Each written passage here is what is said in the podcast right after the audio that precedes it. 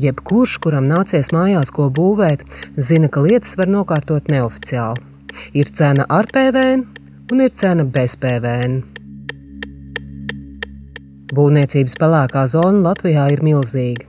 Pēdējos gados skrūvis ir pievilkts stingrāk un situācija mazliet uzlabojusies. Tomēr nodokļu nemaksātāji joprojām brīvi piedāvā savus pakalpojumus.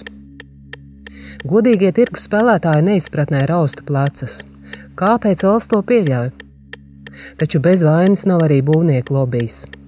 Dažas vajadzīgas likuma izmaiņas tas ir nobloķējis. Par būvniecības ēnu zonu turpmākajā pusstundā raidījumā atvērtie faili. Pirmā daļa - betons.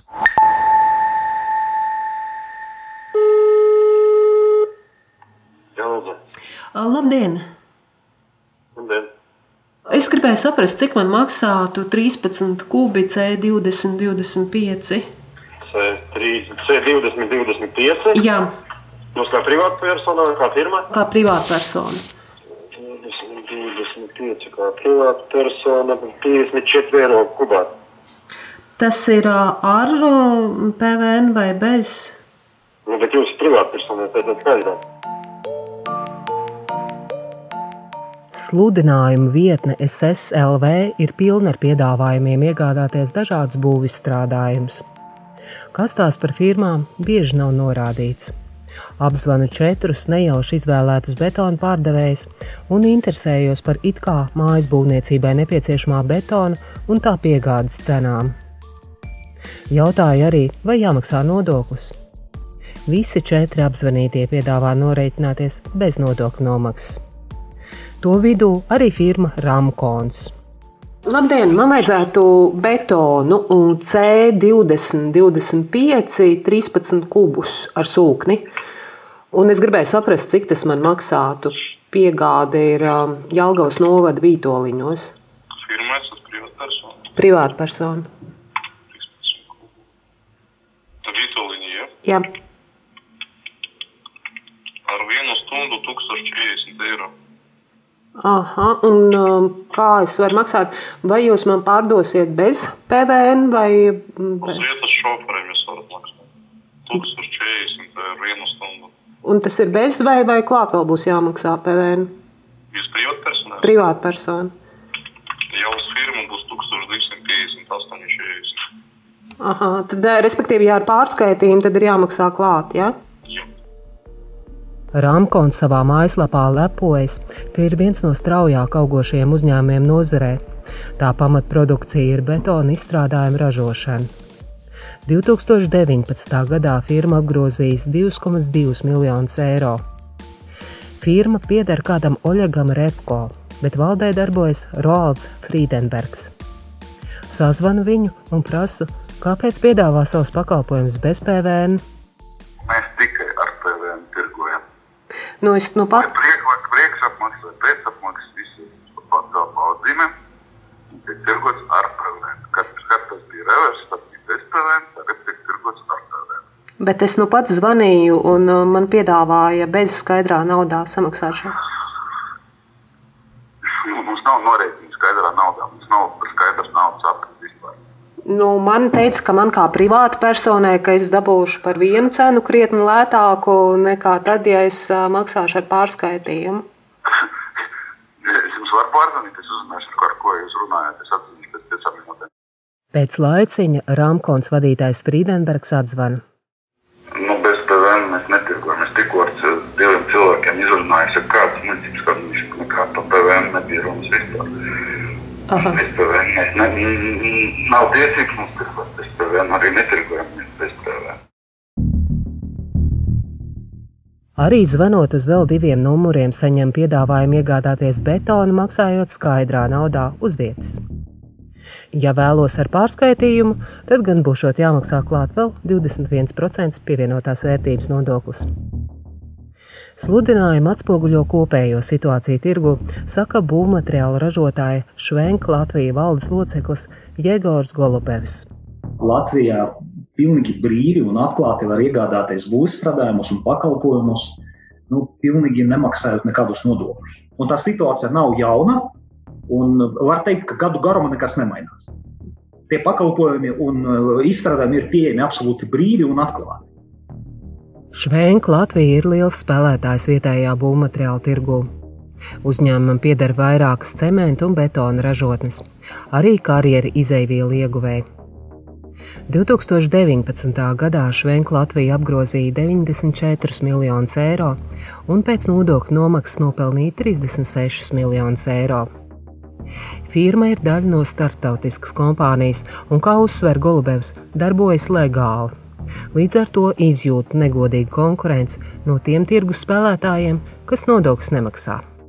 Mēs labprāt būtu tirgojuši mūsu produktus privātpersonām, un mums ļoti daudz zvana, interesējas aktīvas būvniecības sezonas laikā, bet visas sarunas beidzas uz jautājumu, vai pārdosiet bez PVR. Kad mēs atbildam nē, tad viss tiek nolikti klausulīs un cilvēks pazūd. Rezultātā Švenka Latvija gandrīz vispār neapkalpojot privātpersonas, kas pēc Golubeva aplēsēm varētu veidot aptuveni piekdaļu no visa betona tirgus. Zaudētā konkurences cīņa par šiem klientiem gan esot tikai puse no bēdas. Bet tur ir arī otra daļa - ir nelikumīgas un negodīgas biznesa prakses. Ja? Un tas tiešā veidā ietekmē mūs jau arī tajā legālajā segmentā. Ja? Jo bieži vien tie ražotāji viņi, uh, izmanto visādas prakses, no autotransporta pārkraušanu, aploksņu, algas, ja? nereglamentēts darba laiks. Un tas visas lietas ļoti ietekmē izmaksas, protams, ja? un kropļo konkurenci.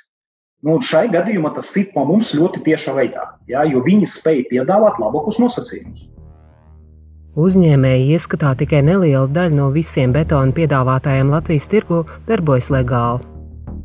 Švenk noalgota eksperti analizējuši publiski pieejamās ziņas par desmit nejauši atlasītiem konkurentiem.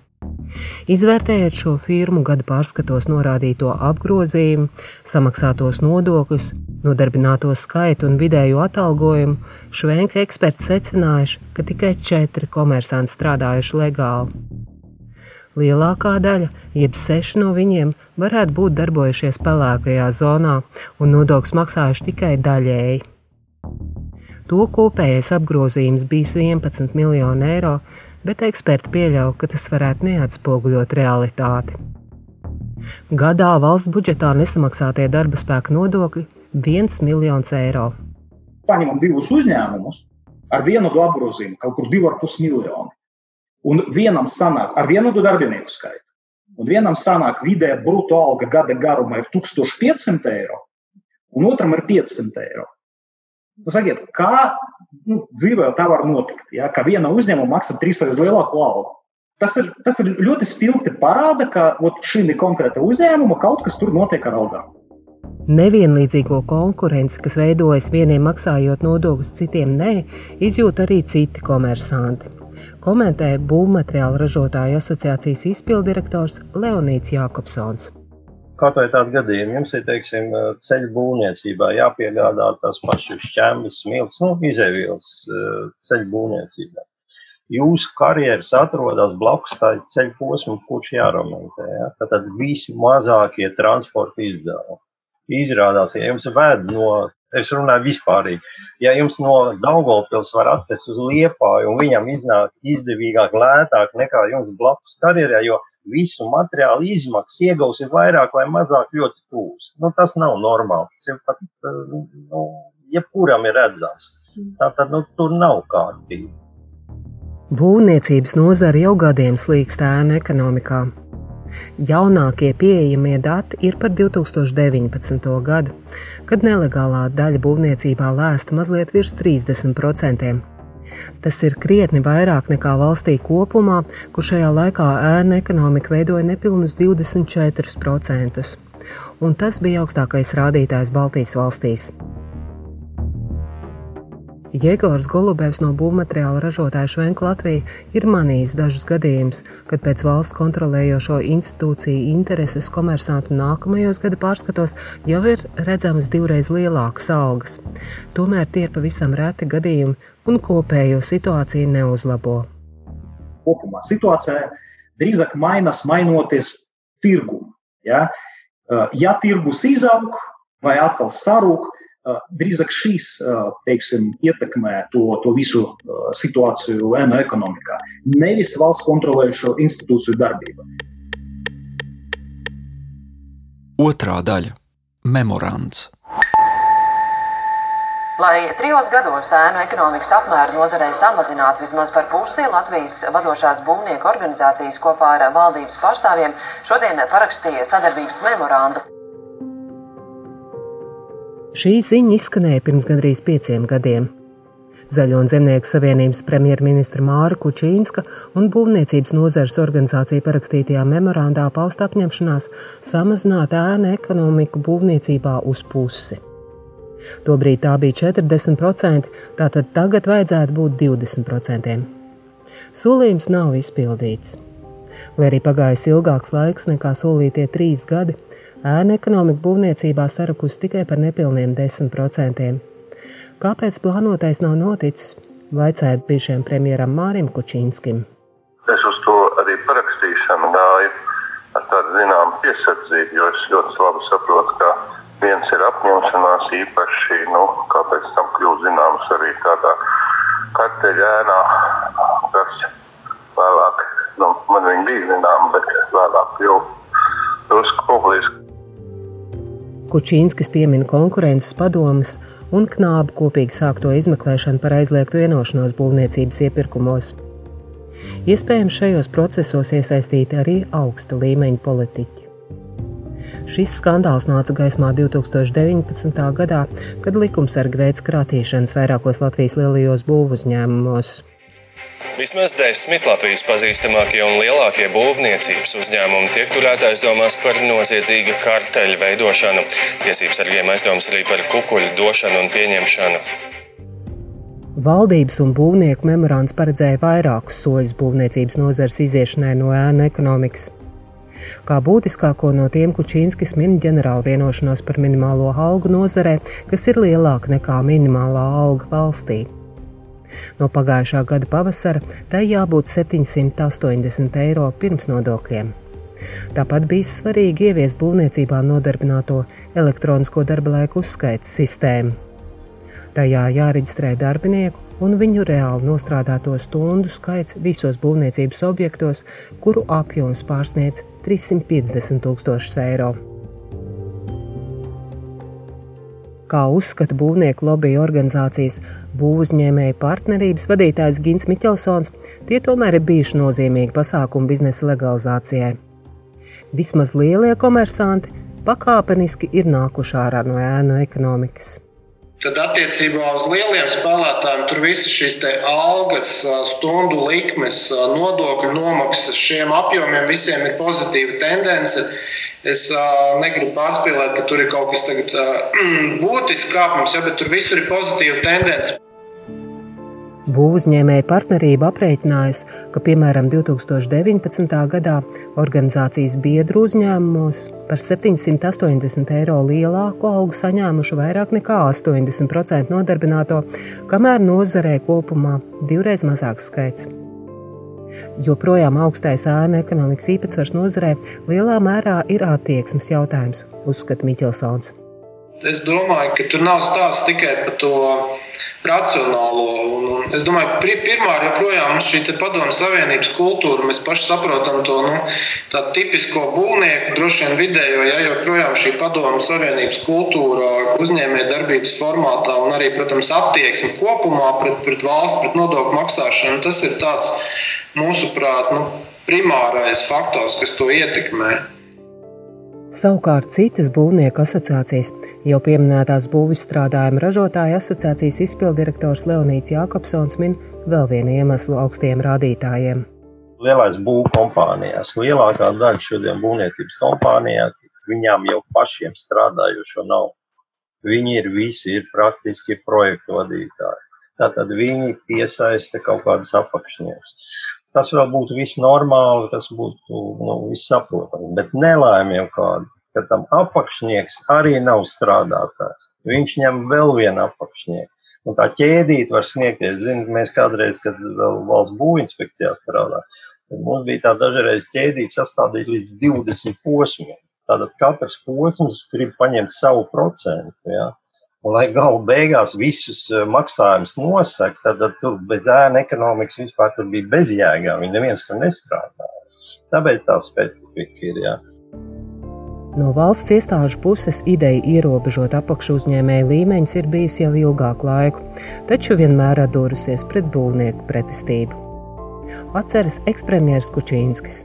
Ja mums ir ļoti likumdošana pieļauj ļoti augstu apakšu uzņēmēju ķēdi joprojām, un to būvnieku to bija gan ļoti intensīvi, neskatoties uz vienošanās noteikti, lai, lai nevarētu saimni pieņemt, ka, piemēram, Zem katra ģenerāla uzņēmēja var būt tikai divi līmeņi apakšu uzņēmēja apakšā. Mm. Mums viņi ir tik bezgalīgi daudz, ka tad tām ķēdēm izsakot ir ārkārtīgi grūti arī no brīža viedokļa. Un šis nav vienīgais priekšlikums ēna ekonomikas mazināšanai būvniecībā, kas spēkā stāšanos tā arī nepiedzīvoja. Saimā 2016. gada nogalē vispirms pieņemt, bet pusgadu vēlāk svītrot grozījumu likumā, kas paredzēja ieviest ģenerālu uzņēmēju un apakšnieku solidāro atbildību. Galvenajam būvdarbu veicējam būtu bijis jāatbild par tā piesaistīto apakšu uzņēmēju valsts sociālās apdrošināšanas obligātajām iemaksām. Bet šo likuma projektu ir kāds gatavs atbalstīt, ko sagatavojas ekonomikas naudas? Skaidrs. Paldies! Tāpat saimā noraidīts ekonomikas ministrijas priekšlikums, kas paredzēja, ka elektroniskajā darba laika uzskaits datubāzē būvniekiem būtu jāpublisko arī gala norēķini ar apakšu uzņēmējiem konkrētos būvniecības projektos. Lai būtu skaidri redzama visa naudas plūsma, kad, kam un cik ir beig beigās samaksāts. Fragments no Saimnes budžeta komisijas 2019. gada 11. aprīļa sēdes. Tajā ekonomikas ministrijas būvniecības politikas departamenta direktore Olga Feldmane skaidroja piedāvāto grozījumu būtību. Mēs negribam izgudrot riteni. Mēs principā paņemam Somijas sistēmu, kuru mēs esam ļoti detalizēti izpētījuši un kas deva diezgan lielus rezultātus. Viņi principā ieviešot to pilno sistēmu, tā skaitā norēķinus, viņi vienā gadā viņiem nodokļu ieņēmumi bija uzlabojušies par 500 miljoniem. Pret šo priekšlikumu asi iebild būvnieki. Tas būs nesamērīgs sloks uzņēmējiem. Video tāpat esot gana daudz informācijas, bet reālos norēķinus vidu varot uzzināt, ja paprasītos bankām. Arī valsts ieņēmuma dienesta pārstāvu komisijā iebilda pret to, ka no būvniekiem tiktu paprasīts vēl arī šādas ziņas. Attiecībā uz piedziņu un nodokļu nenomaksu arī šobrīd mums viss ir izējot no PVN deklarācijām, visa iespējamā rīcībā esošā informācija. Pēc šādas vidu nostājas komisijā debats vairs neturpinājās, un priekšlikums netika atbalstīts. Būvnieku un valsts pārstāvji ir domājuši vēl arī par citiem soļiem būvniecības nozares sakārtošanai. Piemēram, ir tapis būvniecības ētikas standarts. Būvniecības partnerības mājaslapā publicētais ētikas kodeks cita starpā nosaka, citēju, Būvniecības nozares pārstāvji rūpējas par pretkorupcijas normatīvā regulējuma un labās prakses ievērošanu un visu nodokļu saulaicīgu un pilnīgu nomaksu. Vai jums ir bijusi kaut viena ētikas pārkāpuma lieta, kurā jūs esat konstatējuši, ka komersants krāpjas ar nodokļiem, un, un šis nepiediena mūsu ētikas kodeksam? Šajos deviņos mēnešos nē, mums nav. Un vispār? Tāds. Vispār nozarē nu, skats, ka uh, tas nav vērts jautājums, un par to ētikas komisijās uh, nevēlas runāt uzņēmēji. Tā atbild būvniecēju partnerības vadītājs Gins Miķelsons. Pagājušais gads būvniekiem pagājis pandēmijas ēnā, un diskusijās ar valsts pārvaldi priekšplānā izvirzījušies jautājumi par ēnu ekonomikas sildīšanas ar publiskā sektora projektiem būvniecībā, netik daudz ēnu ekonomikas izskaušanu. Ja ne pandēmijas, pagājušam gadam vajadzēja iezīmēt būtiskas pārmaiņas nozarē attiecībā uz iespējām nemaksāt nodokļus. Minimālajai algai komplektā ar elektronisko darbu uzskaitas sistēmu vajadzētu būt būtiskam atspējam valsts ieņēmuma dienestam cīņā ar ēnu ekonomiku. Turpina ekonomikas ministrijas būvniecības politikas departamenta vadītāja Olga Feldmane.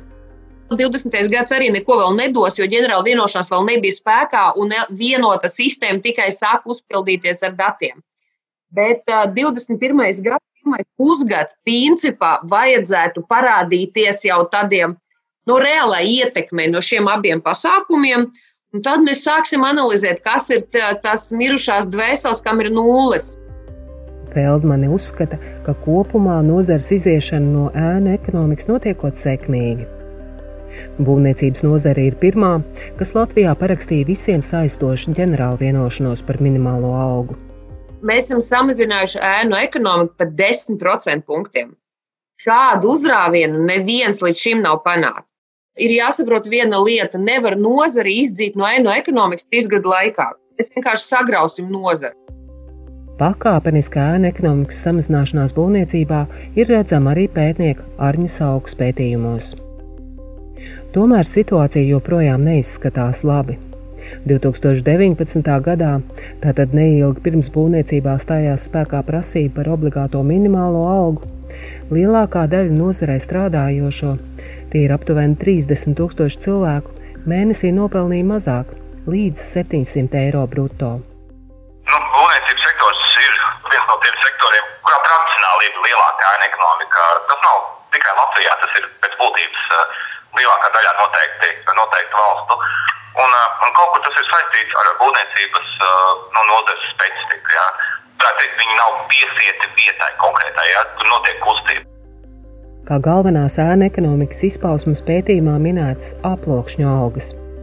Ienākumu un darbinieku skaita neuzrādīšana, korupcija, arī neoficiālie maksājumi, kas jāveic, lai nokārtotu lietas.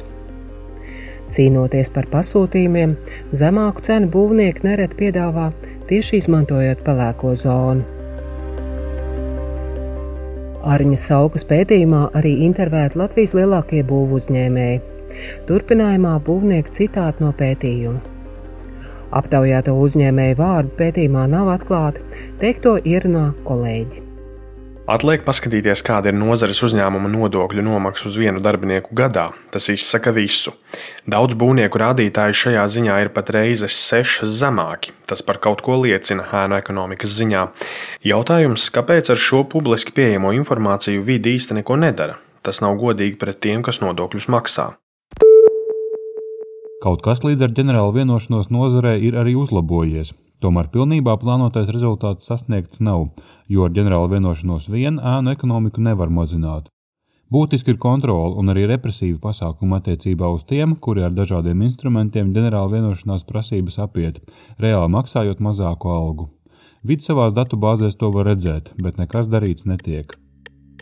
Kāpēc tad, kā uzskata legālie būvnieki, vidi neko nedara? Trešā daļa - revolūcijas nebūs. No komunikācijas ar pašu vidi rodas iespējas, ka lielos vilcienos viss ir kārtībā, progress esot. Bet kopumā es teiktu, tā, ka situācija būvniecības nozarē uzlabojas, jo mēs redzam, ka pieaug atalgojums, uh, Samazinās arī aploksņu algu līmenis, un to apstiprina gan um, saukas pētījums, gan arī vida aplases par aploksņu algu apmēru, jo mēs arī veicam aploksņu algu līmeņa novērtējumu. Un uh, nu, jau divus gadus no kartas mēs redzam, ka pakāpeniski aploksņu algu līmenis samazinās. Tā saka vidu nodokļu maksātāju uzvedības analīzes un prognozēšanas pārvaldes direktora vietniece Natālija Filipoviča. Arī viņas kolēģi, nodokļu nomaksas veicināšanas pārvaldes direktora vietniece Inna Reinšmite, norāda, ka iestāde veic mērķtiecīgus pasākumus. Konkrēti likām lielāku uzsvaru, protams, labprātīgai nodokļu saistību nomaksai. Esam gan veikuši arī apmeklējumus un apsekošanas, un esam sarakstījušies ar nodokļu maksātājiem, esam tikušies, esam skaidrojuši riskus, esam uh, ļoti lielu darbu veikuši attiecībā tieši uz izskaidrošanu. Vīda pārstāvis stāsta, ka aktīvi strādā tieši ar riskantajiem nodokļu maksātājiem, kuri atalgojumā saņem zem 700 eiro. Komersantiem sūtot vēstules par neprecizitātēm deklarācijās, un esot arī tādi, kas uzreiz tās novērš. Tā pērn 57 būvnieki precizējuši deklarācijas, darba ņēmējiem palielinājuši samaksu un budžetā ienākuši nodokļi papildus 139 tūkstoši eiro apmērā. Elektronisko darba laika uzskaits sistēmu pērn vidu pārbaudījis 67 būvobjektos. Daļā konstatēta nereģistrēta darbinieka vai nepilnīga informācija. Vienā būvobjektā tā vispār nebija ieviesta. No pagājušā gada būvnieku darbu uzskaitas sistēmas informācija ir arī valsts ieņēmuma dienas rīcībā, taču darbs ar to nesoks tik ātri. Pirmkārt, bijušas tehniskas problēmas ar vienotās elektroniskās sistēmas ieviešanu, otrkārt, arī Covid patraucējis. Vidu resursi novirzīti uz atbalsta sniegšanu krīzē cietušajiem. Līdz ar to lielo datu apstrāde sākusies tikai gada izskaņā komentē Natālija Filipoviča. Ir ap 700 uzņēmumiem, kuriem ir novirzes starp darba laika uzskaita un darba devēja ziņojumiem pa stundām. Nu, ja mums ir eh, būvniecības nozare pāri 20 tūkstošiem komersantu, nu, tas īpatsvars ir, protams, jā, ar ko strādāt, bet nu, nevar pateikt, ka tur ir katrs otrs, kas, kas pārkāpj taču pārkāpēji pārsvarā esot mazie uzņēmumi ar dažiem nodarbinātajiem. Kopumā vidu pārstāvju ieskatā dienests gana efektīvi veic savas funkcijas. Būvniecība nav tā nozare, kur jūs varat sagaidīt kodolsprādzienu, revolūciju. Viņa ir inerta nozare. Šobrīd būvnieki strādā pie tiem pasūtījumiem, kaut kur pasūtīti divus, trīs gadus atpakaļ. Par tām cenām un ņemot vērā tos spēles noteikumus, kas bija toreiz. Mūsu mērķis ir pakāpeniski šo nozare atterīt un sataisīt no normālu uzņēmēju darbības vidi, kur nav izplatītas aploksņa algas. Bet ir skaidrs, ka dažiem maksātājiem tiešām ir Jautājums, vai viņš maksā aploksni vai nē, ņemot vērā tās saistības, ko viņš uzņēmis, nezinu, cik gadiem ir nu, izdzīvošanas jautājums. Paralēli vidi strādājot arī otrajā virzienā, nodokļu nemaksātājs sauc pie krimināla atbildības. Būvniecības sektorā pēdējos trīs gados uzsākti 55 krimināla procesi, bet izmeklēšana pabeigta un krimināla vajāšanai nosūtīti 23 krimināla procesi. Tajos valsts budžetam nodarīti 1,2 miljonu eiro zaudējumi. Salīdzinājumam naudas izteiksmē šie vidi trīs gados atklātie zaudējumi ir tikai drusku vairāk par to naudas summu, ko savu konkurentu tikai sešu uzņēmumu gada pārskatos saskaitīja redzējuma sākumā pieminētais būvniecības strādājuma ražotājs Švenk Latvija. Tā valdes loceklis Jēgors Golubevs uzskata, ka vājos ēnu ekonomikas mazināšanas tempus ietekmē arī politiskās gribas trūkums. Visdrīzāk nav, nav, nav politiskas gribas šo jautājumu sakārtot. Mēs esam dzirdējuši arī no, no, no valsts amatpersonām tādus izteicienus, ka industrijai pašai vajadzētu attīrīties. Diemžēl, rada pieredze, diez vai tas notiks bez valsts dalības.